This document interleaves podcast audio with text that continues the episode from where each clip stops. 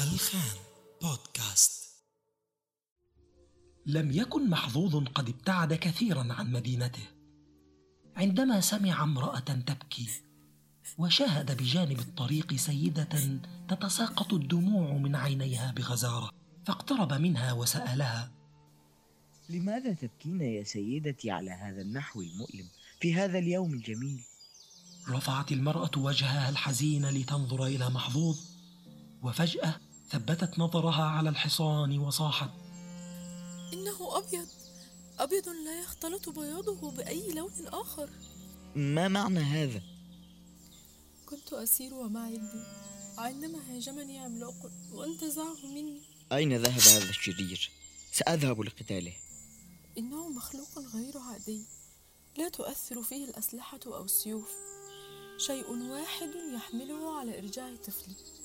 أن أذهب إليه وحدي راكبة حصانا كامل البياض. وكنت أظن أنه لا وجود لمثل هذا الحصان. رق قلب محظوظ لموقف السيدة المحزن واحس بلهفتها على ابنها. وبدون تردد فوجئت السيدة بالفتى يقفز عن حصانه إلى الأرض ويرفعها بذراعيه القويتين ليضعها على ظهر الحصان وهو يقول اذهبي إلى ابنك وفقك الله. ثم وخز الحصان فانطلق يجري براكبته. وهنا حدث شيء غريب. رأى محظوظ ضوءا يحيط بالحصان وراكبته.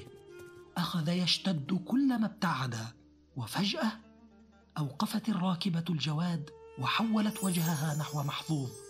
كانت ملامحها تشع بالسعادة والنبل والجمال. وفي صوت موسيقي عذب قالت لا ترجع إلى مدينتك أيها الفتى الطيب وستقابل في طريقك خمس غرائب عجيبة. وفجأة اختفت وسط ضباب أبيض.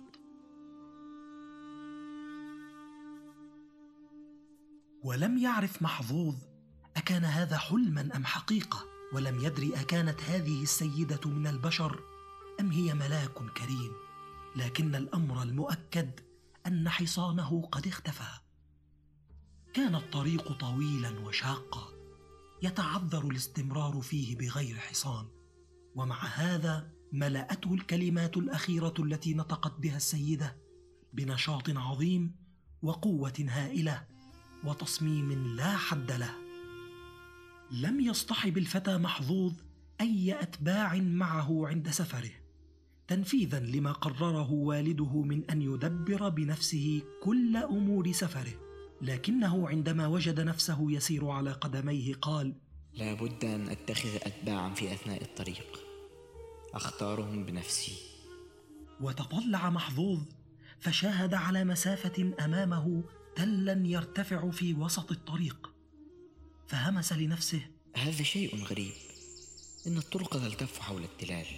وهذه أول مرة أرى فيها تلا يتوسط الطريق. واتجه ناحية التل فلاحظ شيئا غريبا.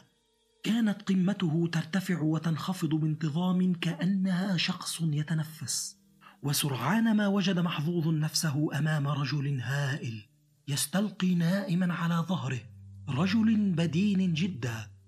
حتى إن بطنه الضخم ظهر من بعيد كأنه تل صغير. وقف محظوظ يتأمل في دهشة. ذلك الجسم الهائل. وفجأة تحرك الرجل النائم وفتح عينيه الكبيرتين فبادره محظوظ بالسؤال. ماذا تفعل هنا أيها الرجل الهائل؟ كنت نائما لأنني لم أكن آكل فأنا إما أن آكل وإما أن أنام. والآن أستيقظ لحاجتي إلى مزيد من الطعام. آه. ها؟ وماذا تناولت هذا الصباح؟ ثلاث بقرات ومائة رغيف فقط. ها؟ لا تتعجب. انظر. واتجه الرجل البدين إلى شجرة كبيرة ولف ذراعه حول ساقها الغليظة وانتزعها في سهولة من الأرض وحملها تحت إبطه. وقبل أن يفيق محظوظ من دهشته مد البدين ذراعه الثانية وانتزع شجرة أخرى ثم وقف يرقص ويغني وهو يحمل الشجرتين. فانقلبت دهشة محظوظ إلى ضحكة عالية واشترك الرجل البدين في الضحك وهو يقول ولكي أتمتع بكل هذه القوة لابد أن آكل كل هذا الطعام وقال محظوظ لنفسه لماذا لا أتخذ هذا الرجل صديقا وتابعا؟ هل تقوم بأي عمل في هذه الناحية؟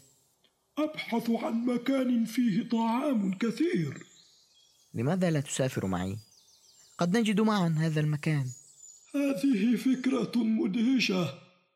وهكذا سار الرجل البدين جدا القوي جدا مع الفتى محظوظ. وفجأة تألقت أمام عيني محظوظ هالة من الضوء. تبتسم خلالها سيدة جميلة تركب حصانا أبيض. الخان بودكاست.